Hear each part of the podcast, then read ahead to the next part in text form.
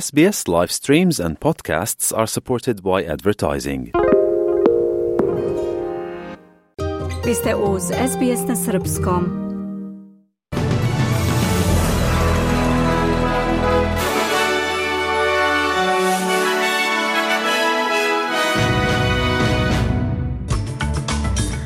Grupa od 20 australijskih državljana uspela da napusti ratno područje u Gazi. Amerika će podržati pravo Izraela da se brani, poručeno u oči susreta Blinkena i Netanjahua. Aleksandar Vučić raspisao parlamentarne izbore u Srbiji za 17. decembar.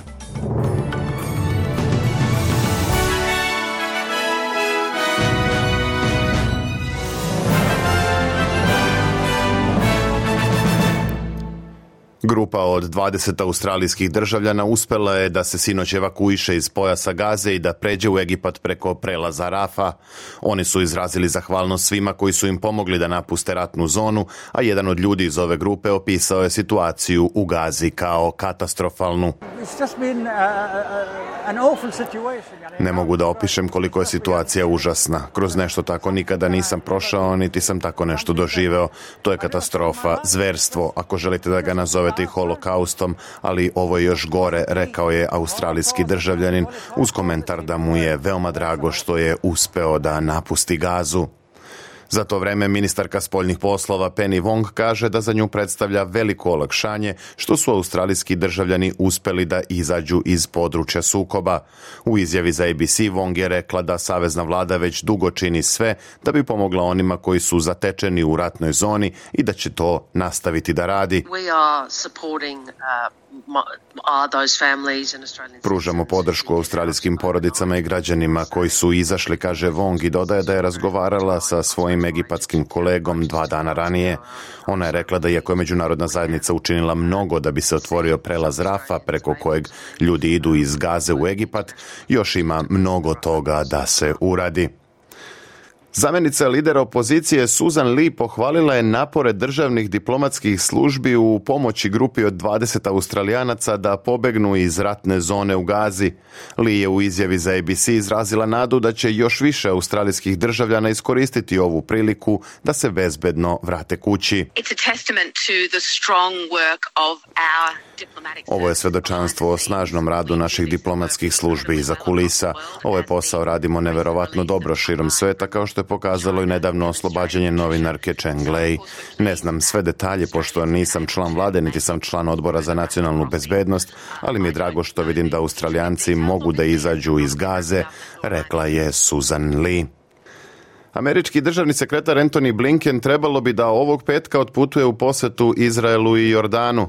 Port parol američkog State Departmenta Matthew Miller rekao je da će se Blinken sastati sa premijerom Izraela Benjaminom Netanjahuom i čelnicima izraelske vlade radi ažuriranja njihovih vojnih ciljeva. Miller je takođe naglasio da će Blinken pozvati Izrael da vodi svoju vojnu kampanju u potpunom skladu sa međunarodnim humanitarnim pravom i zakonima ratovanja. The secretary will Miller kaže da će se Blinken sastati sa Netanjahuom i drugim liderima izraelske vlade kako bi dobio najnovije informacije o njihovim vojnim ciljevima i planovima za njihovo postizanje. On će ponoviti podršku SAD pravu Izraela da se brani u skladu sa međunarodnim humanitarnim zakonom i razgovarat će o potrebi da se preduzmu sve mere predostrožnosti kako bi se civilne žrtve svele na najmanju moguću meru.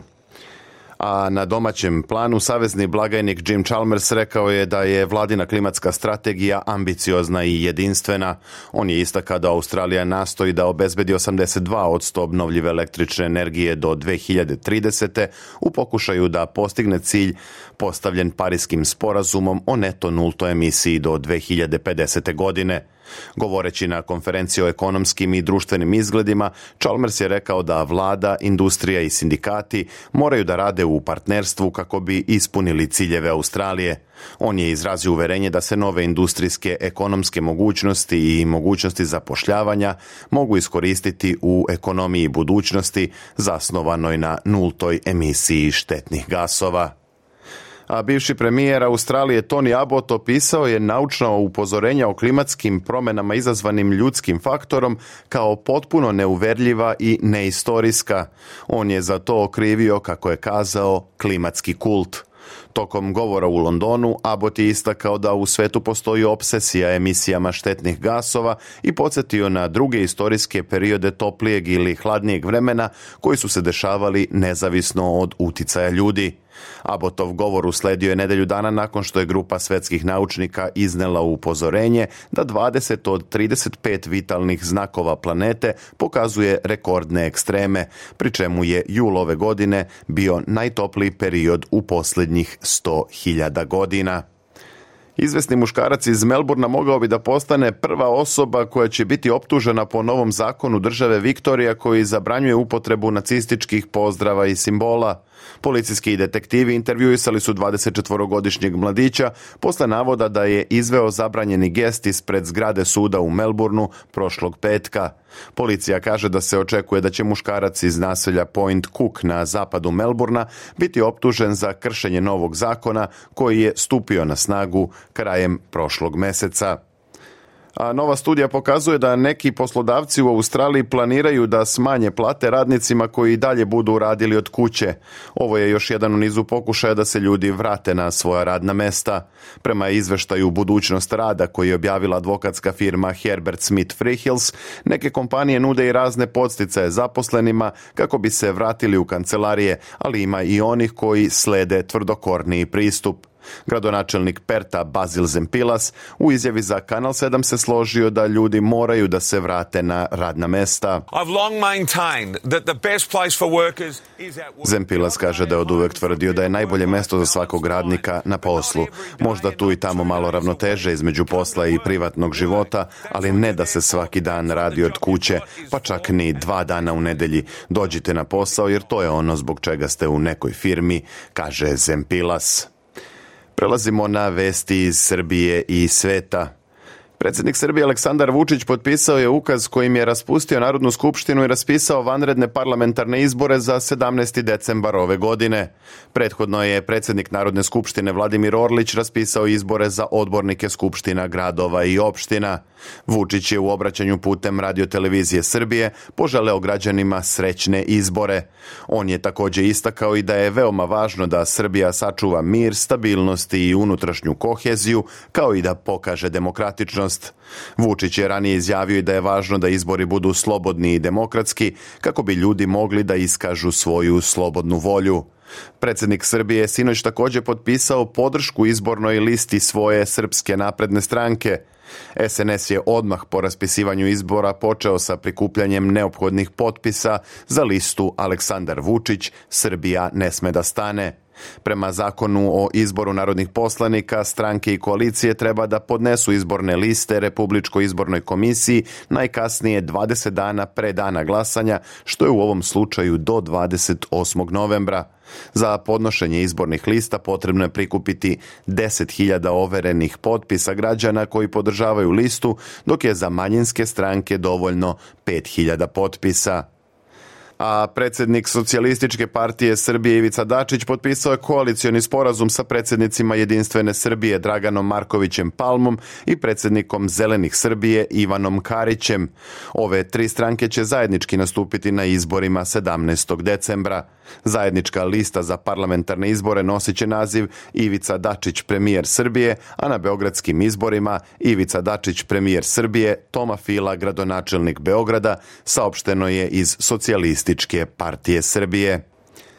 Proširenje je prioritet za Evropsku uniju, izjavio je izvestilac Evropskog parlamenta za Srbiju Vladimir Bilčik i dodao da je predsednica Evropske komisije Ursula von der Leyen tokom posete Beogradu jasno poručila da EU želi da se Srbija pridruži tom bloku. Bilčik je istakao da je poruka von der Leyenove jasne, ali da Srbija mora da sprovede promene i ispuni određene stvari, posebno kada je reč o usklađivanju sa spoljnom politikom Unije. On je u izjavi za Guardian ocenio da je upućena vrlo jasna poruka Beogradu i Prištini o normalizaciji odnosa. Proširenje je glavni politički prioritet Unije, kakav do sada nismo videli godinama, kazao je Bilčik. On je istakao i da je vreme posete von der Leyen od izuzetne važnosti i u tom kontekstu ukazao na najavu izbora u Srbiji i činjenicu da će proširenje biti glavno pitanje na dnevnom redu u Briselu sledeće nedelje. Kao i mnoge zemlje u Evropi, Nemačka se suočava sa manjkom kvalifikovanih radnika. Prošle godine manjak radne snage bio je najveći ikada. Institut za istraživanje zaposlenja pronašao je milion i 740 hiljada slobodnih radnih mesta širom Nemačke. U julu prošle godine nedostatak radne snage pogodio je gotovo polovinu ispitanih kompanija. Nemačka posebno traži kvalifikovane zanatlije, elektroinženjere, IT stručnjake, negovatelje, medicinske sestre i ugostitelje. U ovoj zemlji se nadaju da će praznine popuniti kvalifikovanim profesionalcima koji dolaze izvan Evropske unije. Iz tog razloga Nemačka vlada je najavila promene viznog režima, odnosno načina izdavanja radnih dozvola koji će olakšati dolazak kvalifikovanim radnicima u traženim strukama. Reforme Nemačkog imigracionog zakona bit će uvedene u tri faze, počev od novembra ove godine, javlja Euronews. Procenjuje se da bi radnicima iz Srbije ovim izmenama bila otvorena vrata za rad u Nemačkoj, gde već živi veliki broj ljudi srpskog porekla. Procene su različite i kreću se između 400.000 i 800.000 ljudi srpskog porekla koji žive u Nemačkoj, navodi Ministarstvo spoljnih poslova te zemlje. Ministarstvo je istaklo i da je Nemačka ključni partner Srbije u Evropskoj uniji, te da postoje bliske veze između dve zemlje zbog velikog broja Srba i ljudi srpskog porekla koji žive u Nemačkoj. Eksperti Ujedinjenih nacija za ljudska prava zabrinuti su zbog brzog širenja nasilja i mračne budućnosti koja čeka decu na Haitiju.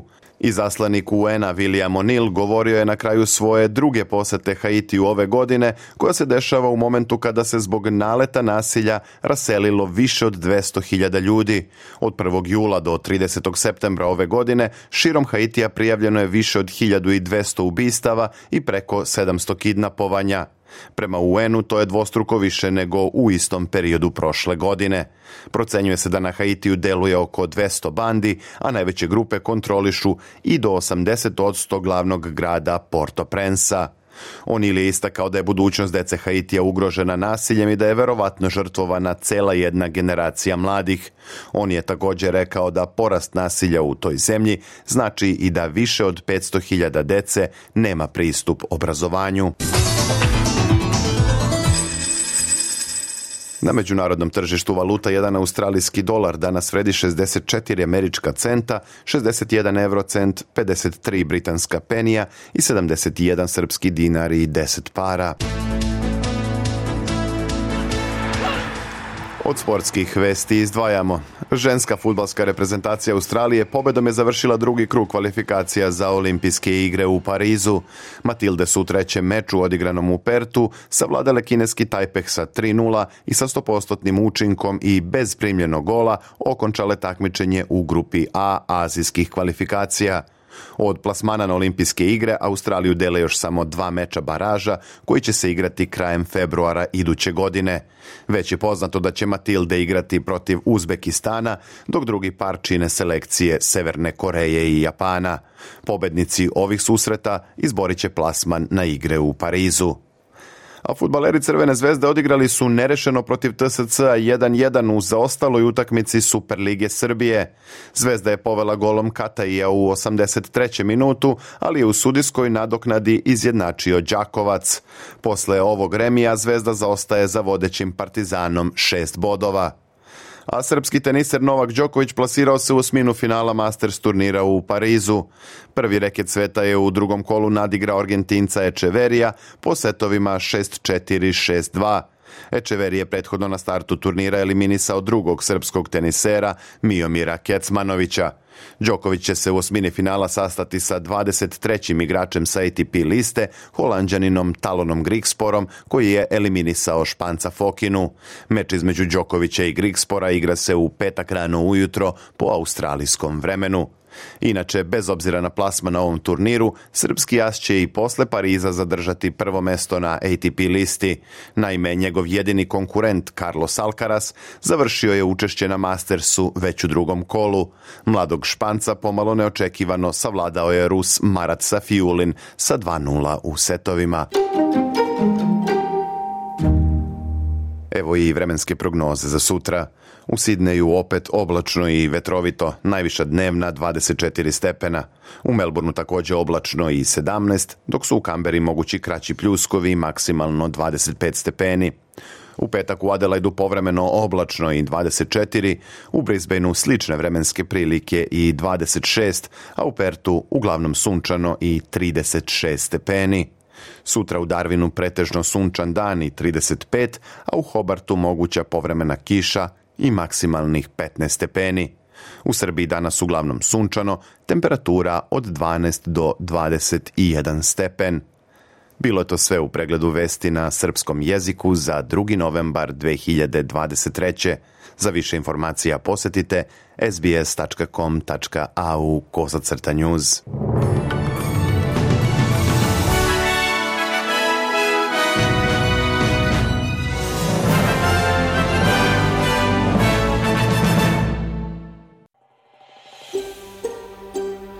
želite da čujete još priča poput ove, slušajte nas na Apple Podcast, Google Podcast, Spotify ili odakle god slušate podcast.